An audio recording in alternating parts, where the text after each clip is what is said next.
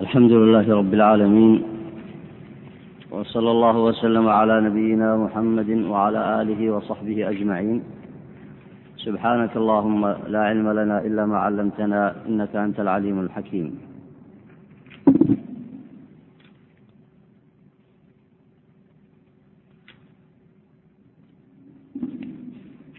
هذا الدرس في كتاب الاعتصام للإمام الشاطبي رحمه الله. وهو استكمال لما مضى من الكلام على مسألة السماع. وسيكون الحديث هنا فيما يتعلق بأثر السماع على النفس البشرية. وقد سبق في تعريف السماع أن المقصود منه ما يسمعه الإنسان. سواء من الذكر الحسن من سماع كتاب الله أو ما يسمعه من السماع المباح مثل الشعر الحسن ومنه ما هو من السماع المحرم مثل سماع الشعر الفاحش أو سماع المعازف وما ينضاف إليه من الملاذ المطربة التي يشتغل كثير من الخلق بسماعها. وهذا الدرس هو ختام لهذه المسألة التي أطال الإمام الشاطبي فيها الحديث لأنها تتعلق بمسائل كثيرة فيما يحتاجه الناس في واقعهم. فإن بعض الناس يكثر السماع من الشعر وإن كان مباحا.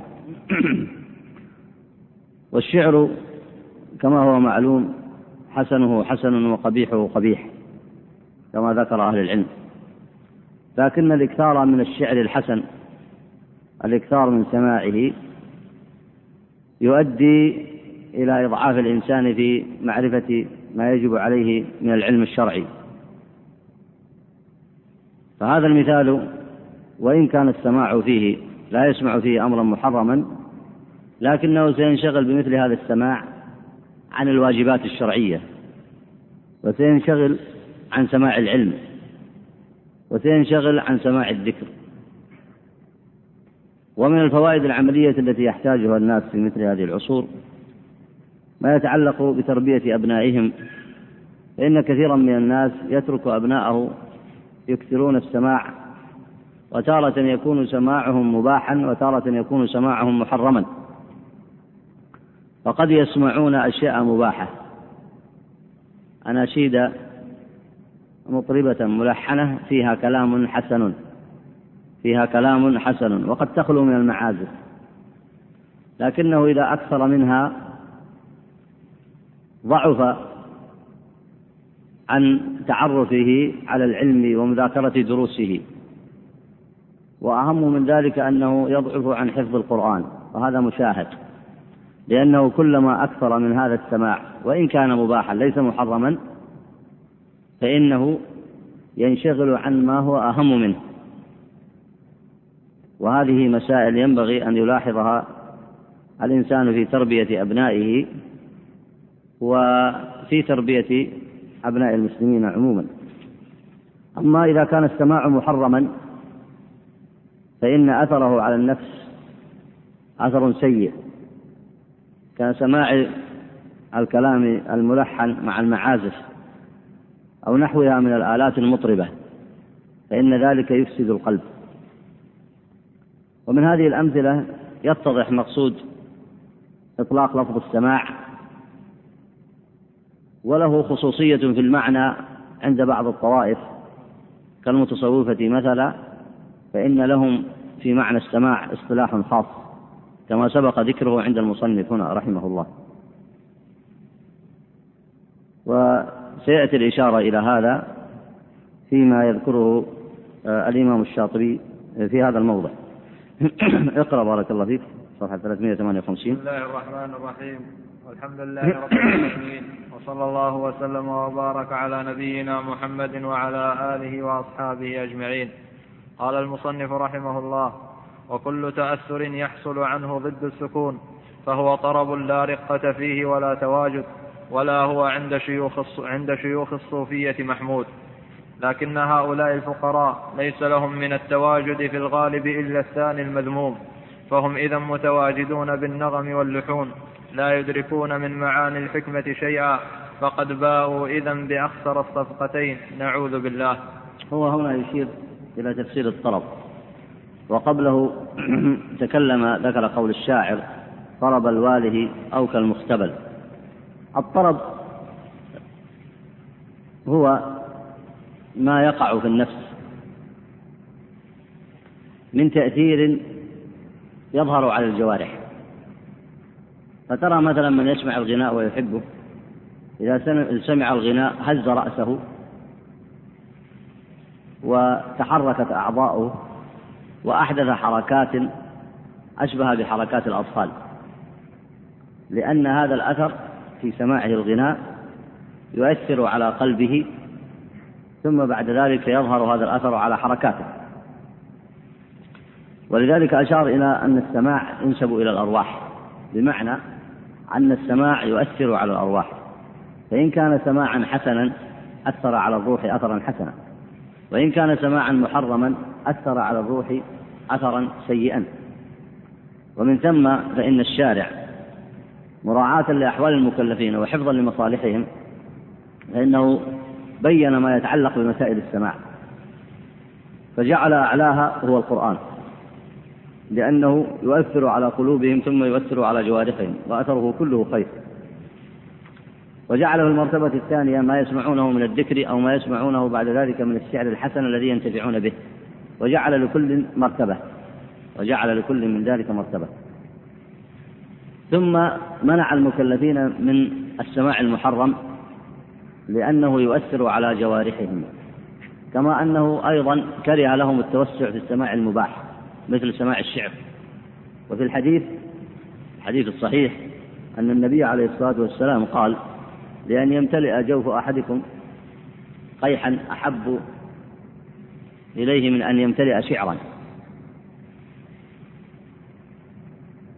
ومقصد الشارع من مثل هذا هو الإشارة إلى أن طاقة الإنسان في الغالب محدودة. فإذا ملأ قلبه شعرا متى ينتفع بمواعظ القرآن ومتى ينتفع بالعلم ومتى يطلب العلم ومتى يتفرغ لما ينفعه. لأن يمتلئ جوف أحدكم شعرا أحب لأن يمتلئ جوف أحدكم قيحا أحب إليه من أن يمتلئ شعرا. لأنه حينئذ يشغله عما يعنيه وما ينفعه. وكل هذه الأمور مما يلاحظه الإنسان في نفسه وفي من تحت يده في مجال التربية. لأن طاقة الإنسان محدودة. فإذا صرفها في المحرم أساء إلى نفسه. وإذا صرفها في الأمر المباح الذي يقدمه على الأمر الواجب فإنه أيضا يضر نفسه. ومن ثم فمسائل السماع تتعلق بالأرواح. يعني تتعلق بالأرواح فإن كانت حسنة فيكون أثرها على الأرواح حسنا وإن كانت سيئة يكون أثرها على الأرواح سيئا. أما إذا انضاف إليها أيضا ما يتعلق بالنسب التلحينية أو ما يسمى بالطرب فإنه يحدث في النفس رقة كما أشار المصنف هنا. قال وكل تأثر يحصل عنه ضد السكون فهو طرب. وما هو ضد السكون؟ ما هو ضد السكون؟ الحركة والانزعاج. الحركة والانزعاج. وهذا مشاهد. كما أسلفت على من يحبون سماع الغناء وعلى من آه، يحبون آه، يكثرون من سماع الأشعار وغيرها سواء كانت منشدة أو ملحنة أو غير ذلك فإنه طرب ينضاف إليه حركة ضد السكون كما أشار المصنف وهي الانزعاج. بل قد يشبه كما أسلفت حركاتهم تشبه حركات الأطفال يعني في كثرة الميلان والتحرك والدوران وغير ذلك. وهو كما تلاحظون أمر ينافي الوقار. ولذلك ورد الشرع بالتحذير منه والتنبيه على ما يترتب عليه من المفاسد. أما حركة الذكر الحسن أو أثر الذكر الحسن فإنه السكينة والطمأنينة. ولذلك هذا الذي ورد في القرآن. الذين آمنوا وتطمئن قلوبهم بذكر الله. وأيضا تغشاهم السكينة. تلين قلوبهم إلى ذكر الله. كل هذا من الآثار الحسنة لسماع الذكر الحسن. أي نعم. سيذكر المصنف الآن آه، الشبهة التي وردت على المتصوفة بحيث أدخلوا اللعب في عباداتهم. بحيث أدخلوا اللعب في عباداتهم. واللعب كما سبق معكم في الدرس الماضي يشمل كما أشار المصنف وهو نتيجة للسماع المحرم والمبتدع يشمل الميلان أو السقوط أو الدوران أو الشطح أو الرقص وكل هذا كما هو معلوم من من الآثار السيئة التي دخلت عليهم فسيذكر الآن الشبهة التي أدخلت عليهم هذا الأمر. أي نعم اقرأ بارك الله فيك. وإنما جاء وإنما جاءهم الغلط من جهة اختلاط المناطين عليهم ومن جهة أنهم استدلوا بغير دليل فقوله تعالى ففروا إلى الله وقوله لو اطلعت عليهم لوليت منهم فرارا لا دليل فيه على هذا المعنى وكذلك قوله تعالى إذ قاموا فقالوا ربنا أين, أين فيه أنهم قاموا يرقصون أو يزفنون أو يدورون على أقدامهم أو نحو ذلك فهو من الاستدلال الداخل تحت هذا الجواب. وهذه الشبهة التي فهموها غلطا من هذه الأدلة المصنف ذكرها قبل ذلك وأجاب عنها. ولا نحتاج إلى تكرار الجواب. وأنتم سمعتموه من قبل لكن من أراد أن يراجعه فليرجع إلى ما مضى من كلام المصنف. لكن على سبيل الإجمال استدلوا بالفرار اعتبروه حركة فسروه بأنه حركة والقيام أيضا فسروه بأنه حركة ومن ثم ربطوا بين ذكرهم وبين الحركة آه، مع الذكر ثم أدخلوا على الذكر أنواعا من الحركات كالرقص والزفن والدوران. وهذا كله كما تلاحظون تلاعب بالأدلة فإن هذا ليس مقصود الأدلة وليس مقصود الشارع فليس معنى ففروا إلى الله أنه ربط الذكر بالحركة وإنما المقصود بها فرار القلب واتجاهه إلى الله عز وجل وطاعة الله عز وجل بتوحيده وعبادته والانقياد له. وكذلك في قوله تعالى إذ قاموا فقالوا ربنا الله أي أنهم قاموا بالحق مصرحين به داعين إليه داعين إلى التوحيد كما مضى من تفسير هذه الآية.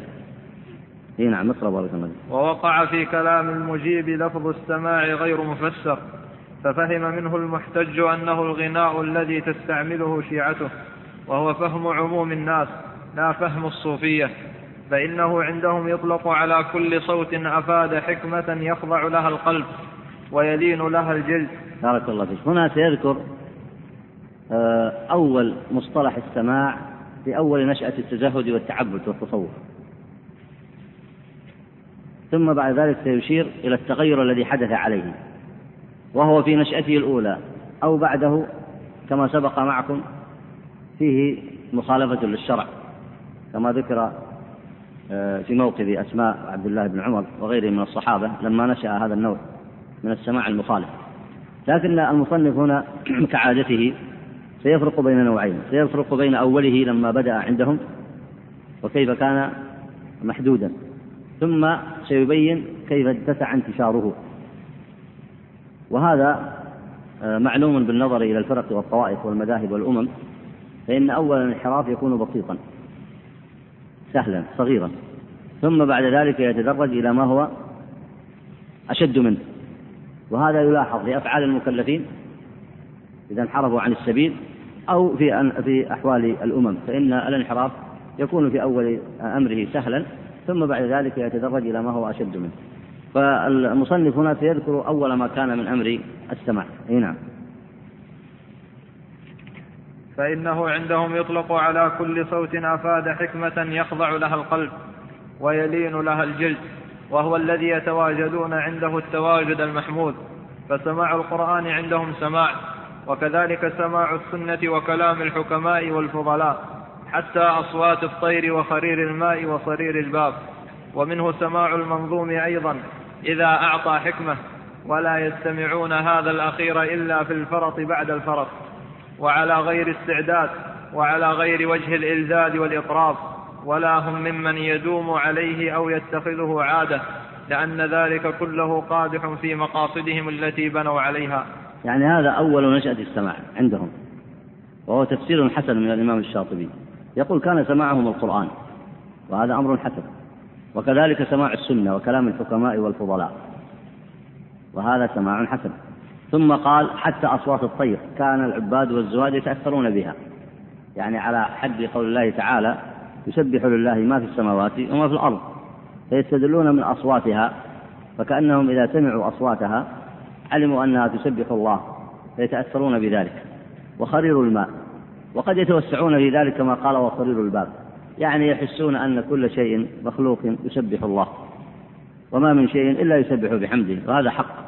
لكن هذا لا يمكن أن يعلم على الإطلاق من كل شيء. لكنهم يتوسعون في هذا الباب. ثم قال وحتى سماع غير القرآن والسنة مما ذكره من كلام الحكماء والفضلاء فإنهم ما كانوا يداومون عليه ولا يتخذونه عادة. ولا يتخذونه عادة. إي نعم. ولذلك قال الجنيد إذا رأيت المريد يحب السماع فاعلم أن فيه بقية من البطالة. إي نعم. هذا كلام الأولين منهم. يعني ولاحظوا هنا أنهم كانوا آه، يلمحون أن تعدي الطلبة أو ما يسمى أو ما سماهم هنا المريدين تعديهم في مسألة السماع وإكثارهم منه أي غير سماعه العلم الذي هو القرآن والسنة توسعهم فيه يؤدي بهم إلى سوء يؤدي بهم إلى شر فكانوا يحذرونهم منه. وهذه العبارة عبارة حسنة فيها معنى مفيد. فتأمله أنت في الطلبة الذين يحبون كثرة السماع سواء السماع المباح كسماع الأناشيد التي لا ليس معها معازف أو السماع المحرم. تجد هؤلاء فيهم بطالة. ما معنى بطالة؟ ها؟ أي لا ينفعون في شيء. تجدهم ضعفاء في دروسهم. تجدهم بطبيعتهم فيهم خواء. خواء فكري. ليس فيهم جد. وكذلك الكبار. إذا أكثر من السماع المشار إليه أي السماع المباح أو السماع المحرم إذا أكثر منه فإنه تجد فيه بطالة. وقد تجد فيه بطالة عن أعماله المادية. وتجد فيه خواء فكري وتجد فيه ضعف ولا تجد فيه رغبة للعلم. فتأمل كلامه هنا قال إذا رأيت المريد ضع بدلها مثلا إذا رأيت الطالب يحب السماع فاعلم أن فيه بقية من البطالة أي أنه لا ينفع نفسه. وهذا أمر مشاهد. ولذلك كثير من الناس كثير من الطلبة تجده عند العلم يضعف ويتعب وينقطع عن طلب العلم. لكن لو أخذته في أنواع من القصص حتى القصص الحسنة المفيدة أو أخذته في أنواع من المواعظ أو أخذته في أنواع من الأناشيد فإنه يطرب وينشط ويجد على ذلك قوة.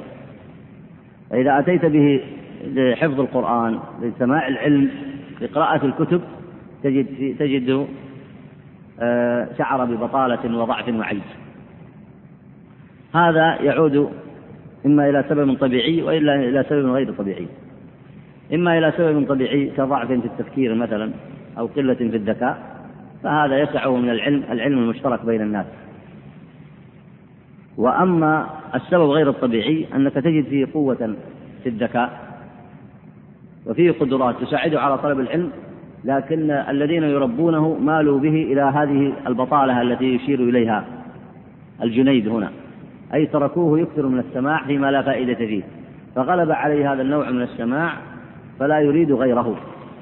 لا يريد إلا الأمر السهل. وهذه الشبهة أو هذه الفتنة هي التي دخلت على كثير من المتعبدين. ولذلك مثلا إذا انتقلت إلى مثال آخر وهو الذي أورده المصنف هنا من أجله إلى التصوف تجدهم لا يأمرون بالمعروف. يعني تجدهم مثلا لا يدعون إلى التوحيد وهو المعروف الأكبر. تجدهم مثلا لا ينهون عن الشرك. تجدهم مثلا لا يحرصون على تعلم العلم ونقله. ما السبب في ذلك؟ السبب في ذلك أنهم مالوا إلى محبة السماع ومالوا إلى أمور ينشطون إليها نفسيا ويتكاثرون عليها. لكن لا تجدهم يتكاثرون على العلم ودراسته ومعرفته ونقله وحفظه. وهذه الشبهة التي تدخل على المتعبدين بسبب طلب الراحة. بسبب طلب الراحة. ولذلك ذكر العلماء المحققون وذكر شيخ الإسلام ابن تيمية في بعض كتبه أن طلب العلم أشد مجاهدة من العبادة على الإنسان. يعني أشد جهدا. فبعض الناس لو قلت له قم الليل وأكثر من الصيام لفعل. ولو قلت له اطلب العلم وعنده قدرات ذهنية تمكنه من ذلك تجده في بعض الأحيان يضعف. لأن طلب العلم أشد مجاهدة على النفس. أشد مجاهدة. يحتاج إلى صبر ومصابرة وتعب. ويحتاج إلى همة عالية. وهذا يرجع إلى أمر ينبغي أن يفكر فيه المربون وهي تربية الناس على الجد وتربية الناس على ما ينفعهم وتربية الطلبة على ما ينفعهم من الجد والتفكير والملاحظة وجمع المعلومات والصبر على تعلم العلم والحفظ لأن هذا هو الذي يقويهم وهذا الذي ينفعهم. وهذا فيه زيادة جهد عليهم لكنهم يستطيعون لهذا الجهد. فإذا صرفت هذه الجهود في محبة السماع ونحوه حتى وإن كان من نوع المباح فإنه تضيع للجهد في غير في غير موضعه ومن ثم تكثر البطالة في الناس. لذلك تجد كثيرا من الناس تكثر البطالة فيهم يحبون السماع وقد, يسمعون الأمور المحرمة ويضيعون دهورهم في هذا ويضيعون أوقاتهم. إي نعم. اقرأ بارك الله وإنما لهم من سماعه إن اتفق وجه الحكمة إن كان فيه حكمة فاستوى عندهم النظم والنثر. وإن أطلق أحد منهم السماع على الصوت الحسن المضاف إلى شعر أو غيره فمن حيث فهم من منه الحكمة لا من حيث يلائم الطباع. لأن من سمع لأن من سمعه من حيث يستحسنه فهو متعرض للفتنة. فيصير إلى ما صار إليه السماع الملذ للمطرب. يعني هذه إشارة مهمة. ممكن تطبقها على من يسمع القرآن. إنسان قد يسمع صوت القارئ لأنه يستحسن صوته. وإنسان يسمع القرآن ويحب أن يسمعه من هذا الصوت لكن نيته في السماع الانتفاع والاعتبار. يختلف الأثر حينئذ على الإنسان أو لا يختلف. إنسان يسمع لمجرد الصوت وإنسان يسمع للانتفاع بالقرآن ويعجبه الصوت الحسن. كل إنسان منا يعجبه الصوت الحسن. فإنسان يسمع للانتفاع بالقرآن وينشطه الصوت الحسن. فهذا يكون للقرآن عليه أثرا حسنا. وإنسان آخر يسمع لإعجابه بالصوت. هناك فرق كبير بين الأمرين وهو ما يشير إليه هنا. يقول لأن من سمعه من حيث يستحسنه مجرد الصوت وهو متعرض للفتنة. ولذلك تجده لا يفقه المعنى. يعني بعض القراء مثلا يكون له آه، آه، حسن في صوته بحيث يبهر السامعين. فتجد الناس أحد رجلين. هذا يسمع القرآن فينتفع ويتأثر ويعجبه الصوت الحسن. كما كان النبي عليه الصلاة والسلام يعجبه الصوت الحسن. ورجل آخر يسمع لمجرد الصوت يتلذذ بالصوت. فالأول يفقه وينتفع والثاني لا ينتفع. والدليل عدم انتفاع الثاني الأول انتفاعه بين لا يحتاج إلى دليل. الدليل على عدم الانتفاع الثاني ما قد تسمعه في بعض الإذاعات مثلا من إنسان يترنم بالقرآن ترنما عجيبا وصوته حسن فيمر على آيات العذاب.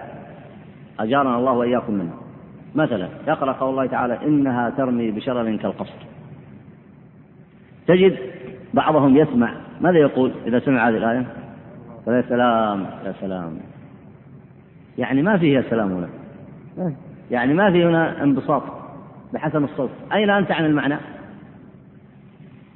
ولا يقول عبارات ما أريد أقولها الآن أمامكم هنا لكن يقول عبارات عجيبة وأنتم تسمعون هذا. يترنم. هنا ما في مكان للترنم الآن. هنا إما ينكسر قلبك وتبكي وتخشع ولا تقول اللهم سلم سلم. ما في ترنم في الصوت هنا. لكن ما الذي حجبه عن المعنى وجعله يلاحظ الصوت؟ أنه مستحسن للسماع بالصوت. ففرق بين سماع هذا وفرق بين سماع هذه وهذه إشارة مفيدة من المصنف هنا. أي نعم. ومن الدليل على أن السماع عندهم ما تقدم ما ذكر عن أبي عثمان المغربي أنه قال من ادعى السماع ولم يسمع صوت الطير وصرير الباب وتصفيق الرياح فهو مفتر مدعي. يعني يقصد هنا هنا تبدأ مرحلة التطور. إذا دخلت البدعة على الإنسان وهو لا يشعر تبدأ تتطور وتنتقل من بدعة إلى أخرى يعني ما وجه الربط؟ بين هذه السماعات. لكن يشير هو هنا أن الذي يدعي أنه ينتفع بسماع القرآن وبالسماعات الأخرى التي هي آه، في طريقة التصوف ولا ينتفع بسماع الرياح أصوات الرياح وغيرها فهو يقول مفتر مدع. يعني كأنهم يقيدون جموح هذا المصطلح عندهم الذي أدخل كثيرا من أتباعهم في البطالة التي يشير إليها الجنيد. ولذلك إذا أردت أن تأخذ الناس بالجد فخذهم بالسنة. إذا أدخلت عليهم هذه المصطلحات الحادثة وأدخلتهم في مثل هذه السماعات حتى وإن أردت أن تضبط ذلك فإنه لا ينضبط بل يؤدي بهم إلى الابتداع. أي نعم. وقال الحصري أيش أعمل بسماع ينقطع ممن يسمع منه؟ ينبغي أن يكون سماعك سماعا متصلا غير منقطع. وعن أحمد بن سالم قال خدمت سهل بن عبد الله التستري سنين فما رأيته تغير عند سماع شيء يسمعه من الذكر أو القرآن أو غيره. فلما كان في آخر عمره قرئ بين يديه فاليوم لا يؤخذ منكم فدية. تغير وارتعد وكاد يسقط. فلما رجع إلى حال صحوه سألته عن ذلك فقال يا حبيبي ضعفنا. هذه العبارات التي ينقلها المصنف هنا بعض المتصوفة يريد أن يقول أن ما أحدثوه من الدوران والشطح هذا ضعف. والغشيان والإغماء والسقوط عند سماع القرآن. كأن الشاطبي يقول هذا نوع من الضعف وهو كذلك. واستدل بكلام أحد أئمتهم. لما بدأ تأتيه مثل هذه الأحوال قال ضعفنا. يعني هذه حالة ضعف. ونعود مرة أخرى ونقول إن الالتزام بالسنة في سماع القرآن وغيره من سماع من السماعات المباحة هو الذي يربي الناس على الطريق المستقيم. وإلا فإن الإنسان يدخل في عبارات غير محمودة. مثلا يقول هنا خدمت سهل بن عبد الله التستري سنين فما رأيته تغير عند سماع شيء يسمعه من الذكر والقرآن؟ هذه العبارة غير صحيحة. من الذي يقول أنه لا يتغير عند سماع الذكر والقرآن؟ ممكن يسمع القرآن ويجد قلبه. ممكن يسمع القرآن تدمع عينه. وكذلك هؤلاء القوم يصنعون ذلك. لكن التكلف في العبارات التكلف على في التعبير عن المصطلحات الغامضة مشكل. فمن الذي يسمع الذكر ولا يتغير؟ يتغير ينتفع. يتغير مثلا يسمع شيئا يبكي مثلا. وإن لم يبكي يعتبر ازداد إيمانه ينتفع بالذكر. هذا استفادة. لكن يقصد أنه هنا فما رأيته تغير لعله يقصد مصطلحات المتصوفة يعني أنه يسقط أو يميل أو غير ذلك. ثم ما حدث عنه بعد ذلك ما حدث له قال إنه حالة من الضعف. أي نعم. وقال السلمي دخلت على أبي عثمان المغربي وواحد يستقي الماء من البئر على بكرة فقال لي يا أبا عبد الرحمن تدري أيش تقول هذه البكرة؟ فقلت لا. فقال تقول الله الله. يعني الله ذكر في القرآن أن ما من شيء آه، إلا يسبح بحمده هذا صحيح. لكن الله عز وجل ماذا قال؟ ماذا قال بعده؟ قال ولكن لا تفقهون تسبيحا. فتحديد مثل هذه السماعات صعب على الإنسان. ينبغي الإنسان أن يبني أمره على الدليل. فالجبال تسبح والحصى تسبح والشجر يسبح. لكن ماذا قال الله عز وجل؟ قال ولكن لا تفقهون تسبيحهم إي نعم. فهذه الحكايات وأشباهها تدل على أن السماع عندهم كما تقدم وأنهم لا يؤثرون سماع الأشعار على غيرها. لا يؤثرون. لا يؤثرون سماع الأشعار على غيرها فضلا عن أن يتصنعوا فيها بالأغاني المطربة. يعني يقول هؤلاء الأولين لم ما كانوا يقدمون سماع الأشعار المباحة فضلا أن يسمعوا الأغاني المطربة. لكن الذين بعدهم ماذا حصل فيهم؟ ماذا حصل فيهم؟ سمعوا الأغاني المطربة بل وأدخلوها في عباداتهم بل وأدخلوها في عباداتهم وهكذا البدع يجر بعضها إلى بعض يعني الانحراف دائما يبدأ بالتدريج يبدأ بالتدريج ثم لا يزال يزيد حتى يتطور فيصبح انحرافا كبيرا إي نعم وسيفسر المصنف هذا المعنى لماذا؟ أي نعم. ولما طال الزمان وبعدوا عن أحوال السلف الصالح أخذ الهوى في التفريع في السماع حتى صار يستعمل منه المصنوع على قانون الألحان فتعشقت به الطباع وكثر العمل به ودام وإن كان قصدهم به الراحة فقط. فصار قدم في طريق سلوكهم فرجعوا به القهقرى ثم طال الأمد حتى اعتقده الجهال في هذا الزمان وما قاربه أنه قربه. وجزء من أجزاء طريقة التصوف وهو الأدهى. وقول المجيب وأما من دعا طائفة إلى منزله فتجاب دعوته وله في دعوته قصده. يعني هذا جواب على سؤال. لو أن أمثال هؤلاء المتسكعين بالعبادات الذين يدخلون اللعب على عباداتهم لو أن أحدا منهم دعا طائفة إلى منزله ثم دعاك هل تجيب دعوته أم لا؟ أي نعم. اقرأ الجواب. مطابق مطابق بحسب ما ذكر أولا. فإن دعا قوما إلى منزله لتعلم آية أو سورة من كتاب الله أو سنة من سنن رسول الله صلى الله عليه وسلم أو مذاكرة في علم أو في نعم الله أو مؤانسة في شعر فيه حكمة ليس فيه غناء مكروه. أي فأجب. لأنه حينئذ الدعوة إلى خير. إذا دعاك إنسان إلى منزله إكراما لك أو لتتعلم آية أو سورة من كتاب الله أو سنة من سنن رسول الله أو مذاكرة في علم أو في نعم الله أو مؤانسة في شعر أو أدب في حكمة ليس فيه محرم ليس فيه غناء أو مكروه فهذا أجب دعوته. إي نعم. لكن إن دعاك إلى مثل ما يصنعه أصحاب البطالة من الاجتماع على ما سبق ذكره من السماعات المحرمة فهنا لا تجب بذلك. لا يجوز الإجابة في مثل هذا. نعم. ليس فيه غناء مكروه ولا صحبه شطح ولا زفن ولا صياح ولا غير ذلك من المنكرات. ثم ألقى إليهم شيئا من الطعام على غير وجه التكلف والمباهاة ولم يقصد بذلك بدعة ولا امتيازا. لفرقة تخرج بأفعالها وأقوالها عن السنة فلا شك في استحسان ذلك. أي نعم يعني إذا سلمت الدعوة من هذه المحرمات فإجابتها لا شك في استحسان الإجابة إليها. أي نعم.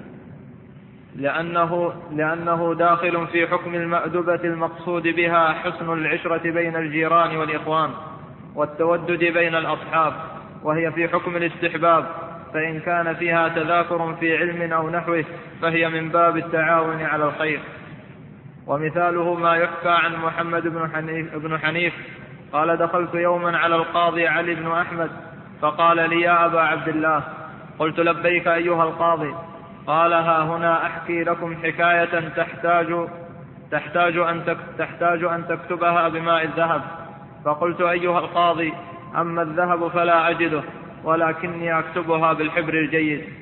فقال بلغني أنه قيل لأبي عبد الله أحمد بن حنبل إن الحارث المحاسبي يتكلم في علوم الصوفية ويحتج عليه بالآي. هذا الحارث المحاسبي كان في زمن الإمام أحمد وكانت له عبادة وتزهد لكنه لم ينشغل بطلب العلم والفقه كما كان في شأن الإمام أحمد وغيره من الفقهاء. فكانوا يسألون الإمام أحمد عنه فأجابهم فيما سألوا عنه.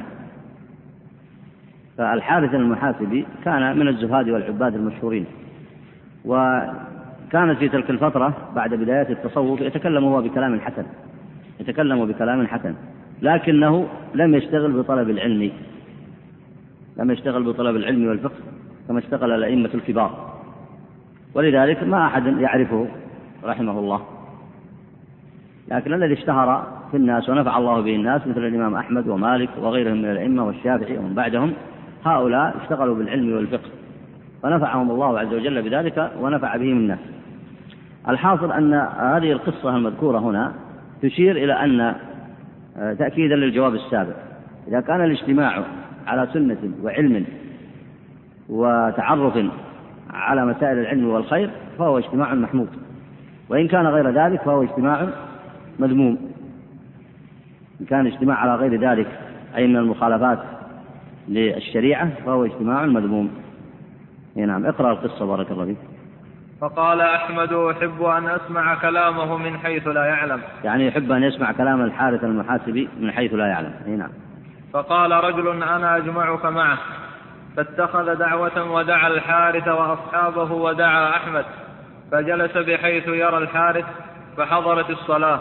فتقدم وصلى بهم المغرب وأحضر الطعام فجعل يأكل ويتحدث معهم فقال أحمد هذا من السنة. فلما فرغوا من الطعام وغسلوا أيديهم جلس الحارث وجلس أصحابه فقال من أراد منكم أن يسأل شيئا فليسأل. فسئل عن الإخلاص وعن الرياء ومسائل كثيرة فأجاب عنها فاستشهد بالآي والحديث وأحمد يسمع ولا ينكر شيئا من ذلك. فلما مر هدي من الليل أمر الحارث قارئا يقرأ. أي نعم هدي فلما مر هدي من الليل أمر الحارث قارئا يقرأ شيئا من القرآن على الحجم فقرأ فبكى بعضهم وانتحب آخرون ثم سكت القارئ فدعا الحارث بدعوات خفاف ثم قام إلى الصلاة. فلما أصبحوا قال أحمد قد كان بلغني أنها هنا مجالس للذكر يجتمعون عليها فإن كان هذا من تلك المجالس فلا أنكر منها شيئا. أحسنت. لأنه لم ير فيها منكرا. ليس فيها من سماع المتصوفة السابق شيء ينكر. يعني ليس فيها رقص ولا دوران ولا إدخال اللعب في العبادة ولا غير ذلك. تفضل. استشهد بالآية. استشهد يعني بالآيات. بالآيات القرآنية. فهنا المسألة الأولى التي رآها الإمام أحمد رأى أنه تقدم وصلى بهم المغرب ثم أحضر الطعام فجعل يأكل ويتحدث معهم. قال هذا من السنة أن يأكل الرجل مع ضيفانه أو مع إخوانه ويتحدث معهم هذا من السنة. فلما فرغوا من ذلك قال لهم هل أحد منكم يسأل شيئا في مسائل العلم؟ فليسأل. فسئل عن الإخلاص وعن الرياء ومسائل كثيرة فأجاب واستشهد عليها بالآيات والأحاديث. وهذا أمر حسن. ثم بعد ذلك قام أمر قارئا أن يقرأ شيئا من القرآن على الحاضرين فبكى بعضهم وتأثر آخرون وهذا أيضا من السنة. ثم قام بعد ثم دعا بعد ذلك بدعوات خفاف يعني دعوات مختصرة ما يطيل في الدعاء يدعو نصف ساعة أو غير ذلك دعا بدعوات خفاف. ثم قام إلى الصلاة. هل في هذا مخالفة؟ هذا مجلس من مجالس الذكر فقال الإمام أحمد قد بلغني أن الناس يجلسون مجالس للذكر. فإن كانت مثل هذه فهذا حسن. أي نعم. ففي هذه الحكايات أن أحوال الصوفية توزن بميزان الشرع وأن مجالس الذكر ليست ما زعم هؤلاء بل ما تقدم لنا ذكره. وأما ما سوى ذلك مما اعتادوه فهو مما ينكر. والحارث المحاسبي من كبار الصوفية المقتدى بهم. فإذا ليس في كلام المجيب ما يتعلق به هؤلاء المتأخرون إذ باينوا المتقدمين من كل وجه وبالله التوفيق. يعني هنا يقول الشاطبي أن المتأخرين والمتصوفة يعني خالفوا الصحابة والتابعين وخالفوا الأئمة الأربعة والأئمة المشهورين وحتى الزهاد الأولين مثل الحارث المحاسبي وغيرهم مما كان يذكره عن الحسن البصري. أي نعم. والأمثلة في الباب كثيرة. لو تتبعت لخرجنا عن المقصود وإنما ذكرنا أمثلة تبين من استدلالاتهم الواهية ما يضاهيها وحاصلها الخروج في الاستدلال عن الطريق الذي أوضحه العلماء وبينه الأئمة وحصر أنواعه الراسخون في العلم. هذا الطريق في الاستدلال الذي يشير له المصنف سينصب له بابا في هذا الكتاب يسميه مآخذ أهل البدع في الاستدلال أي طريقتهم في الاستدلال. وسيذكر طريقة أهل الحق في التعرف على الأدلة.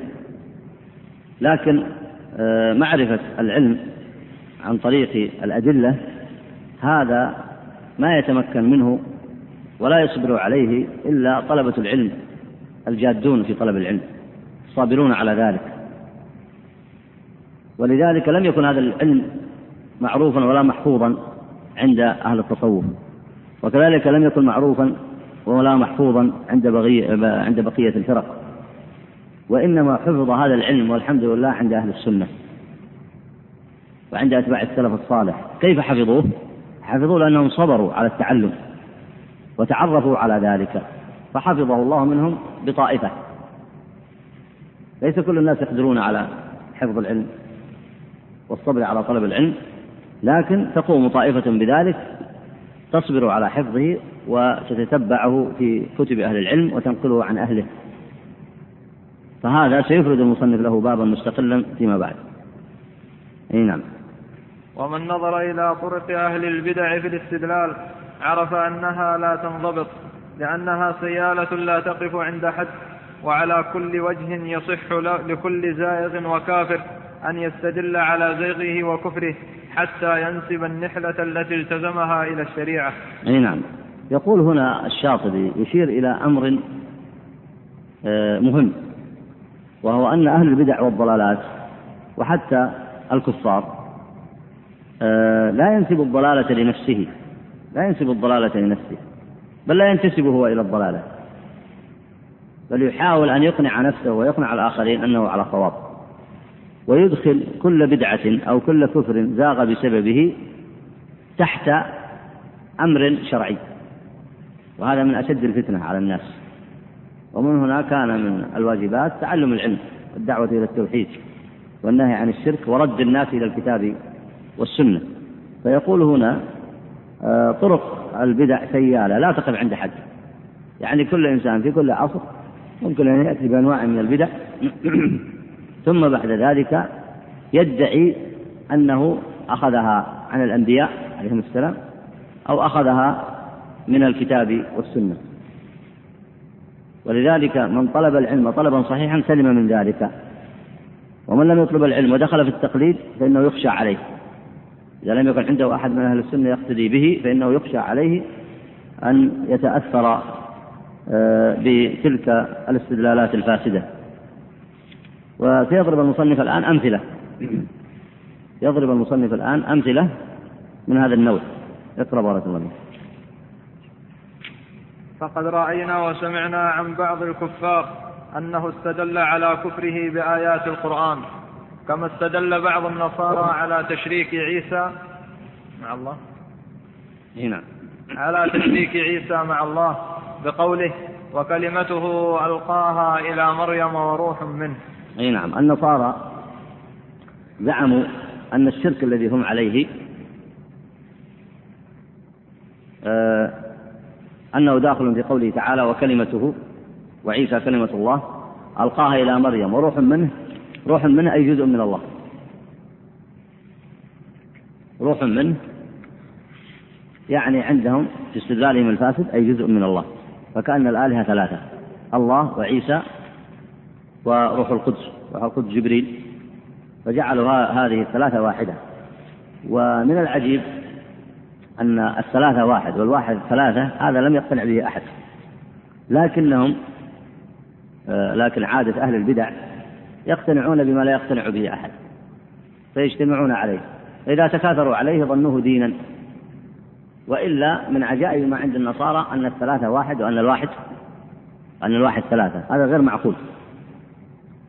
ومن شبههم أيضا أنهم جاءوا للآيات الموجودة في القرآن مثل جعلنا وخلقنا. فقالوا هذا لا يكون إلا من آلهة متعددة. لا يكون إلا من جمع لا يكون من واحد. وهذا من الاستدلالات الفاسدة. لأن جعلنا وخلقنا هذا من التعظيم. الله عز وجل يعظم نفسه هنا فيقول سبحانه وجعلنا وخلقنا. ونون العظمة هنا الإنسان قد آه، يعظم نفسه أيضا. فيقول نحن فعلنا. ويتكلم عن نفسه وحده.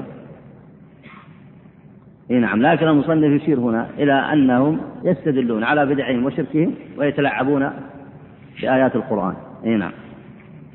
بارك واستدل على أن الكفار من أهل الجنة بإطلاق قوله تعالى إن الذين آمنوا والذين هادوا والنصارى والصابئين من آمن بالله واليوم الآخر. الآية. آه، استدلوا بأن النصارى بأن الكفار من النصارى من أهل الجنة. أين الدليل في الآية؟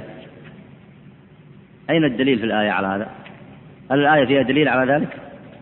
ليس فيها دليل لكن تلبيس على الناس لأن الله عز وجل قال من آمن بالله واليوم الآخر والذي آمن بالله واليوم الآخر مسلم ولا كافر؟ مسلم هي ليست في الكفار ويؤكدها ما ورد في هذه الآية من آمن بالله واليوم الآخر وعمل صالحا أي كان موحدا من أهل التوحيد يؤمن بالله واليوم الآخر من أهل التوحيد. هذا مسلم ولا كافر هذا؟ هذا مسلم. فإدخال الكفار في الآية تلاعب بالقرآن تلاعب بالقرآن. لكن لأن اسم النصارى ورد في الآية قالوا إذا نحن ممدوحون.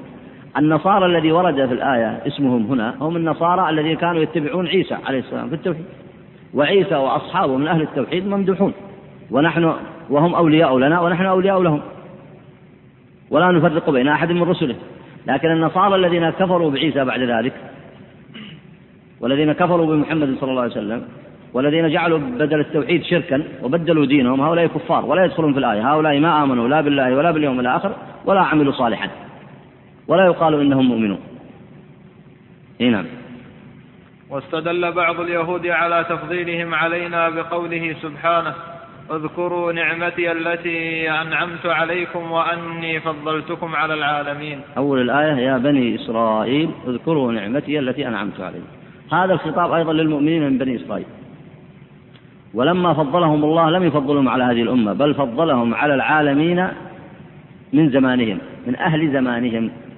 وهذا الذي ذكره أهل التفسير وهذا الذي ذكره أهل التفسير. إيه نعم. وبعض الحلولية استدل على قوله بقوله تعالى ونفخت فيه من روحي. أي أن الإنسان حل في روح الله. وهذا ليس معنى الآية. هذا ليس معنى الآية. أما معنى الآية أن الله عز وجل جعل الإنسان عقلا وجعل له وجعل له جسدا وجعل له روحا. نعم تفضل. نعم.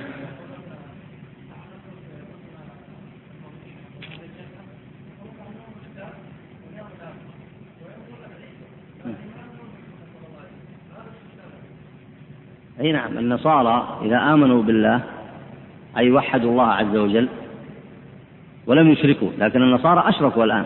جعلوا عيسى إلها مع الله. لكن افرض أن هناك نصرانيا يقول إن عيسى عبد الله ورسوله وليس إلها مع الله. وأنا أوحد الله عز وجل. الله هو الذي خلق عيسى وعيسى عبده.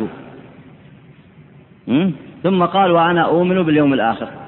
قلنا حسنا فعلت بقي عليك أن تؤمن بالأنبياء. قال وأنا أؤمن بالأنبياء. فنقول حسنا صنعت. فنقول ومحمد عليه الصلاة والسلام فإن قال أؤمن به صار مسلما أو لا؟ وإن قال لا أؤمن بمحمد عليه الصلاة والسلام يصبح إيش؟ يصبح كافرا. ولذلك هذا مما يبين لكم معنى التوحيد. لأن كثير من الناس يظن أن التوحيد هو مجرد الإيمان بالآخرة مثلا. أو أن التوحيد تصديق الله عز وجل في خبره. أو أن التوحيد مثلا هو إقامة بعض الشعائر. قد يكون الإنسان معه أنواع كثيرة من التوحيد والإيمان لكن يقع في ناقض فينقض ذلك الذي معه. مثاله ما سبق. إنسان يقول أنا لا أعتقد أن عيسى إله مع الله. عيسى عبد الله ورسوله. عبد خلقه الله.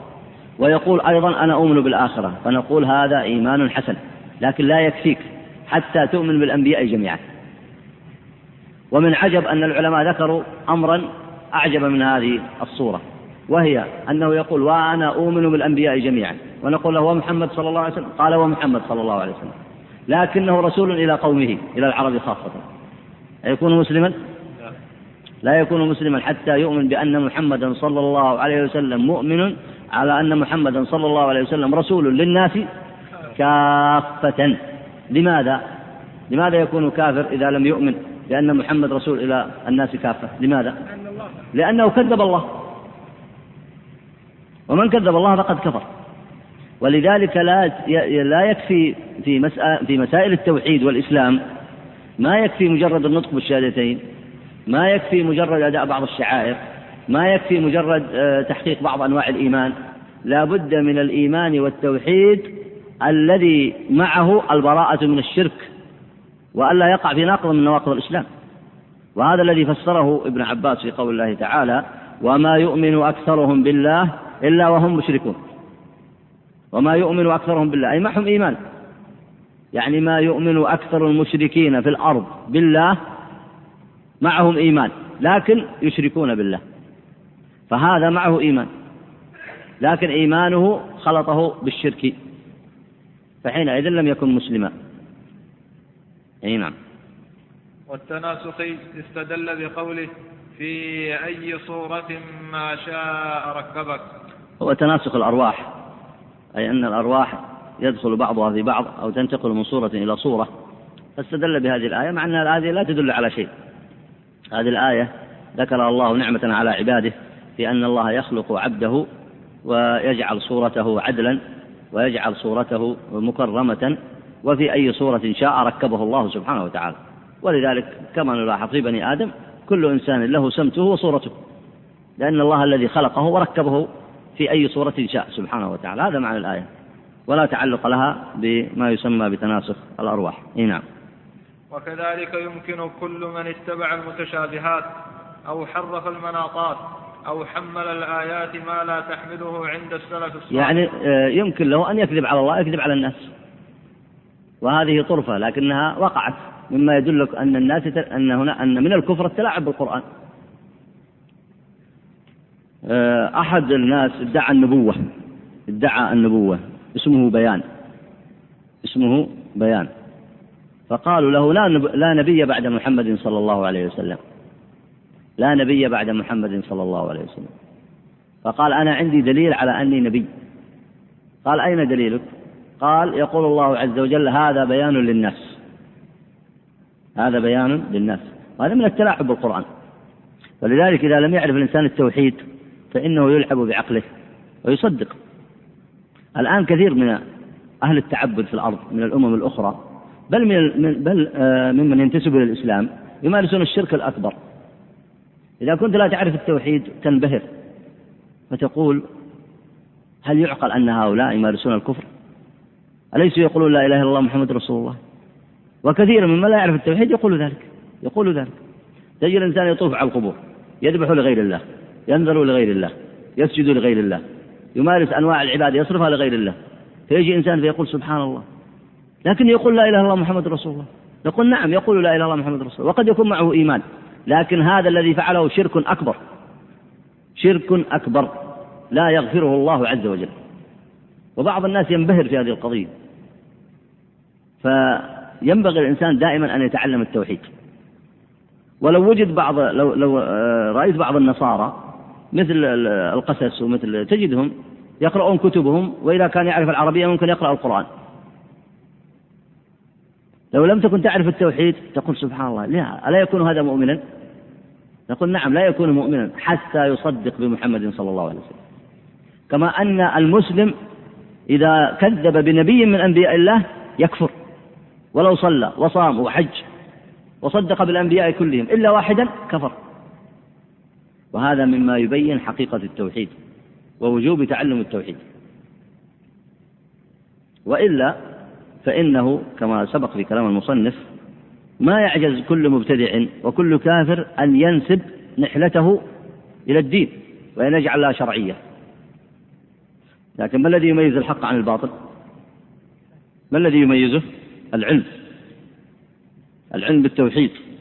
العلم بالإسلام. أي نعم. وكذلك يمكن كل من اتبع المتشابهات أو حرف المناطات أو حمل الآيات ما لا تحمله عند السلف الصالح أو تمسك بالواهية من الأحاديث أو أخذ الأدلة ببادئ الرأي له أن يستدل على كل فعل أو قول أو اعتقاد وفق غرضه بآية أو حديث لا يجوز ذلك أصلا. ولذلك تجد المقلدة والمبتدعة والجهلة تجدهم يكرهون الذين يبينون لهم الأحاديث الضعيفة. لأن يعني تجد تجده قد بنى أصلا فاسدا في ذهنه عنده أو عند طائفته على حديث فاسد. فلما تقول له هذا الحديث باطل ينزعج. ولذلك من هنا نشأ نفور كثير من الناس من الدعوات السلفية في هذا العصر. لأن تقول له هذا حديث صحيح فاعمل به. هذا حديث ضعيف لا تعمل به. وقد يكون الحديث الضعيف رتب عليه اعتقاد أو رتب عليه عادة يعيش عليها هو إن كان مفردا أو طائفته معه. فلما تخبره بأن هذا حديث ضعيف ينزعج لأنه لا يريد أن يغير ما بنفسه والمفروض أن يغير حاله ويتبع الحديث الصحيح. كثير من المتعصبة يتعصب لرأيه ومن هنا نشأ في هذا العصر. آه، كثير من الناس تجدهم يكرهون علم السلف ويكرهون الدعوات السلفية ويكرهون من يردهم إلى الكتاب والسنة لأنه يقيم عليه الحجة يبين له الحق. إذا قام عليه الحجة فإنه حينئذ معرض للعقوبة عند الله إذا لم يتبع الأحاديث الصحيحة. فلاحظ كلام المصنف إما أن يتمسك بالأحاديث الواهية أو أن يتمسك بالمتشابهات مع أن الإنسان العاقل إذا جاء له إنسان فبين له الأحاديث الصحيحة وبين له أن هذا الحديث ضعيف وذكر له كلام المحدثين وأهل العلم وبين له آه، المتشابهات ورده إلى المحكمات ينبغي عليه أن يقبل الصواب. ينبغي عليه أن يرجع إلى الصواب. وأن يرجع إلى مقتضى العلم الشرعي. أي نعم. والدليل عليه استدلال كل فرقة شهرت بالبدعة شهرت بالبدعة على بدعتها بآية أو حديث من غير توقف حسب ما تقدم ذكره. وسيأتي له نظائر أيضا إن شاء الله. فمن طلب خلاص نفسه تثبت حتى يتضح له الطريق. ومن تساهل رمته أيدي الهوى في معاطب لا مخلص له منها إلا ما شاء الله. نسأل الله العافية لنا ولكم. من تساهل في أمر دينه بناها على الأحاديث الضعيفة بناها على العلم الفاسد لا لم يميز العلم الصحيح العلم الفاسد لم يطلب علم الحديث لم يجلس مجالس العلم لم يرجع إلى الكتاب والسنة لم يتبين الحق فإن هذا يردي نفسه كما هو حاصل في كثير من الخلق. عافانا الله وإياكم. فينبغي الإنسان أن يحرص على العلم ويحرص على السنة ويسأل الله العافية آه، في كل أحواله. نسأل الله عز وجل أن يوفقنا وإياكم ما يحب ويرضى وأن يختم لنا وإياكم بإحسان وأن يحيينا على الإسلام والسنة وأن يتوفانا على ذلك إنه على كل شيء قدير ولما يشاء لطيف. صلى الله وسلم على نبينا محمد وعلى آله وصحبه أجمعين.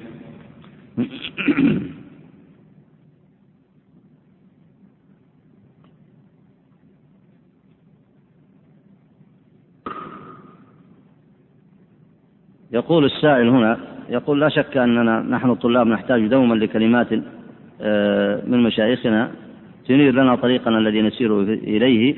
فيا حبذا إن رأيتم ذلك أن تكون آه، بين الأذان والإقامة كلمة توجيهية تربوية وذلك مع وقت الأسئلة.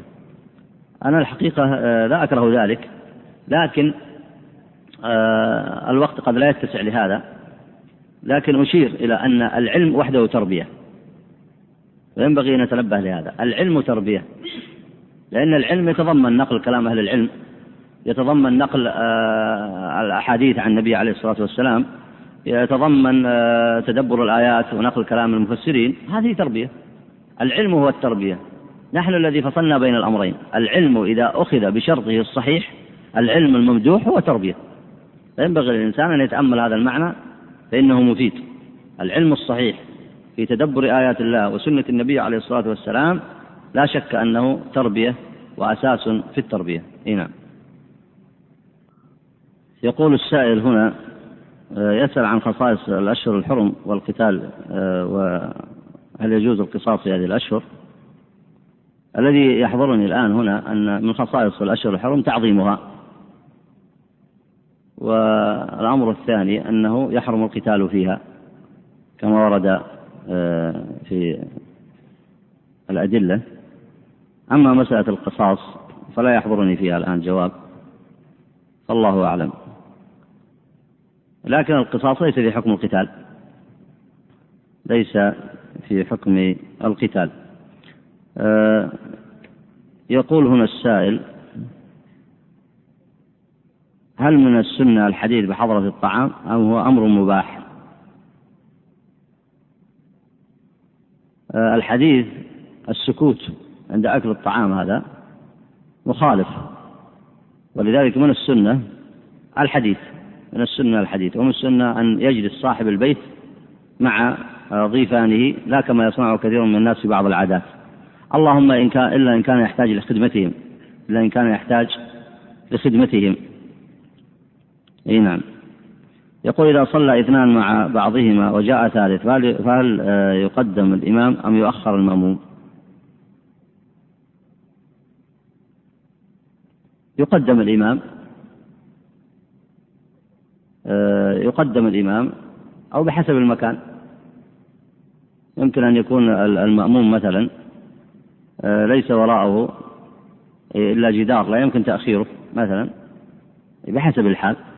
لكن إذا قدم الإمام ثم تأخر المأموم إن أمكن فلا بأس بذلك. يقول هنا نحن جماعة نسافر إلى مكة والمدينة النبوية بقصد العبادة ونقيم فيها من يوم إلى يومين.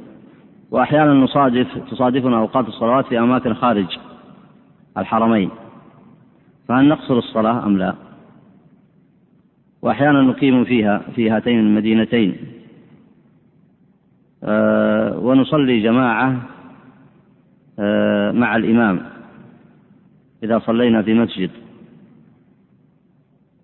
وإذا كنا لوحدنا نقصر الصلاة أه في هذه المدة. هذه المسائل التي سأل عنها ترجع إلى كلام أهل العلم في أن الإنسان إذا سافر سفرا يباح له فيه قصر الصلاة. فالسفر مثلا من جدة ومن مكة إلى المدينة هذا متفق على أنه يباح فيه قصر الصلاة. لكن إذا كان قريبا دون مثلا دون 80 كيلو مثلا فإنه لا يباح فيه قصر الصلاة عند من المدة وهو الأقرب إلى الصواب إن شاء الله. وإن كان بعض أهل العلم يقول أن السفر لا مدة لا ليس له تحديد. ليس آه لا له تحديد إلا بحسب العرف. لكن إذا تقاربت البلدان مثل جدة مثلا ومكة فهذا ليس انتقال الرجل من جدة إلى مكة يعتبر سفرا لا يعتبر سفرا. فإن كان في مثل المدة المذكورة أو في مثل البلاد المتباعدة ونحوها فلا شك أنه إذا سافر يقصر الصلاة. السنة قصر الرباعية إلى ركعتين. وأما سؤالهم عن صلاتهم مع الجماعة في المسجد وإتمامهم أربعا فهذا أيضا صحيح لأن المسافر إذا صلى مع الإمام في المسجد يتم ولا يعمل بالرخصة ويصلي ركعتين بل يجب عليه الإتمام لقول النبي عليه الصلاة والسلام إنما جعل الإمام ليؤتم ليؤتم به. وأما قولهم إذا صلينا لوحدنا نصلي في مسكننا نقصر الصلاة فهذا أيضا صحيح. فإن المسافر إذا صلى وحده قصر الصلاة الرباعية ركعتين ركعتين. يقول هنا السائل ذكر أن الإمام أحمد كان يقتدي ببشر الحافي ببعض الفضائل هل يصح ذلك؟ لا مانع من هذا لا مانع من هذا لأن بشر الحافي كانت له فضائل كثيرة وكان من أصحاب آه الإمام أحمد في تلك الفترة لكنه لم يكن يشتغل لم يكن من العلماء البارزين يشتغل بالعلم الفقهاء وكانت له أمور حسنة فكون الإنسان إذا رأى أمرا حسنا عمل به هذا لا حرج عليه فيه إن شاء الله. آه يقول ما معنى قرأ شيئا من القرآن على الحدو؟ آه وبكاء بعضهم وانتحاب بعضهم والدعاء والصلاة. يعني على الحدو قراءة الحدو هي ليست الترتيل المعروف. الحدر أشبه بالحدر. وقوله هنا بكاء بعضهم وانتحاب بعضهم والدعاء والصلاة بعد هذه القراءة كل هذا ألا يعد من البدع ولا يحتاج ولا يحتاج الدعاء والصلاة ها هنا إلى دليل. المذكور في القصة أنهم اجتمعوا فقرأوا القرآن والاجتماع على قراءة القرآن فضيلة. ثم من سمع القرآن وتأثر به وبكى هذا أمر طيب. ثم بعد ذلك إذا قام أحد منهم فصلى ولم يقل صلي صلينا مجتمعين قال فقام فصلى ركعات. فهذا أيضا لا بأس به فحرج فيه إن شاء الله. ثم قال ودعا بدعوات خفاف أيضا هذا لا بأس به إن شاء الله. إي نعم.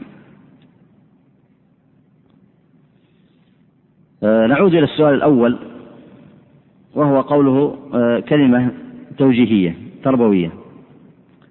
أعود إلى نفس الجواب الذي ذكرته أولا فأقول إن تعلم العلم العلم الصحيح بالنية الصحيحة هو تربية. وتقسيمنا بين العلم والتربية في مثل هذا العصر هو تقسيم غير طبيعي. والذي حمل عليه عند كثير من الفضلاء أنهم رأوا أناسا يتعلمون العلم ويحملون الكتب ولا يعملون به. وهذه آفة هذه آفة وهذا مرض. فكثير مثلا من الطلبة في الثانويات و وفيما هو أعلى من ذلك يحملون الكتب يذهبون ويجيئون لا يعمل به لا يعمل بما علم. فرأوا أن كثيرين يتعلمون العلم ولا يعملون به. فقالوا العلم يحتاج إلى تربية. فنقول نعم صحيح. العلم يحتاج إلى تربية. وهناك من تجده يربي لكن لا يربي على علم صحيح. يربي يجمع ناس مثلا فيربيهم لكن لا يربيهم على السنة لا يربيهم على مقتضى العلم الصحيح. الفصل بين العلم والتربية لم يكن يعرفه الناس في العصور الأولى عصر الصحابة والتابعين لأنهم كانوا يعرفون أن العلم الصحيح تعلم الكتاب والسنة يعني العمل بهما. وأن اقتران العلم بالعمل هو أثر تربوي حسن. يعني نقول الإنسان الذي يعمل بالعلم قد تربى انتفع بالعلم. هذا الأصل الذي كان يعرفه الناس. لا يفصلون بين العلم والتربية. ما يقولون تربية بدون علم ولا علم بدون تربية. لكن في عصورنا هذه وفي عصور مضت فصل بين العلم والتربية. يعني كما سلف في المثال السابق تجد إنسان عنده علم لكن لا يعمل به. فقالوا يا ليته يعمل به ألا ينتفع هذا بعلمه؟ ألا يربي نفسه على العلم الذي تعلمه؟ وتجد إنسان مثلا عنده تربية وعنده تعبد لكن لا يلتزم السنة يخالف عنها ويقع في بدع كثيرة بسبب الجهل وترك العلم. فيأتي إنسان فيقول ألا يضم هذا الإنسان مع عبادته العلم الصحيح والتزام السنة؟ يا ليته يصنع ذلك. فهذا الفصل الذي حدث هذا الفصل الذي حدث حدث في مثل هذه العصور. مما مضى ومما هو في زماننا. لكن الصحابة رضوان الله عليهم ما كانوا يعرفون الفصل بين الأمرين. كانت إذا نزلت آية عملوا بها. كانوا إذا تعلموا العلم عملوا به. فما يقال حينئذ علم وتربية. نقول العلم هو التربية والتربية هو العلم. ولذلك زكى الله عز وجل هذه الأمة فقال آه، في شأن الصحابة رضوان الله عليهم ومن كان في مثلهم قال الله عز وجل فيهم وكأي من نبي قاتل معه ربيون كثير. من تفسير آه، أهل العلم لهذه الآية قالوا ربيون أي يعملون بالعلم ويربون عليه. فالعلم والتربية كانت متلازمتين. فنحن إذا جئنا الآن ممكن الإنسان يسمع مسائل العلم. يسمع درس مثلا. والدرس ما يخلو فيه آيات وأحاديث وفيه نقل من كلام السلف. إذا قرأ في كتاب آه، من كتب العلم المعروفة. ثم يأتي بعد ذلك فيقول كأنه يريد مثلا موعظة أو يريد مثلا درسا تربويا. آه، لا بأس بذلك. لكن أسأل هذا السؤال فأقول أليس في سماع الآيات في الدرس وسماع الأحاديث وسماع كلام أهل العلم أليس في هذا موعظة؟ أليس في هذا تربية؟ الصحيح من أخذ العلم بشرطه هذا العلم هو تربية. وما ينبغي للإنسان أن يفرق بين الأمرين إذا فرق بين الأمرين فإنه قد لا يتفاعل مع كلام أهل العلم وقد لا ينتفع بما في الكتب لأن الكتب فيها فيها علم وقد يميل إلى سماع المواعظ قد يميل إلى سماع المواعظ ويفرح بذلك ويستريح فإذا جاء لسماع العلم قال العلم أليس هناك تربية؟ أليس هناك مواعظ؟ وهذا حدث حدث من أزمان سابقة.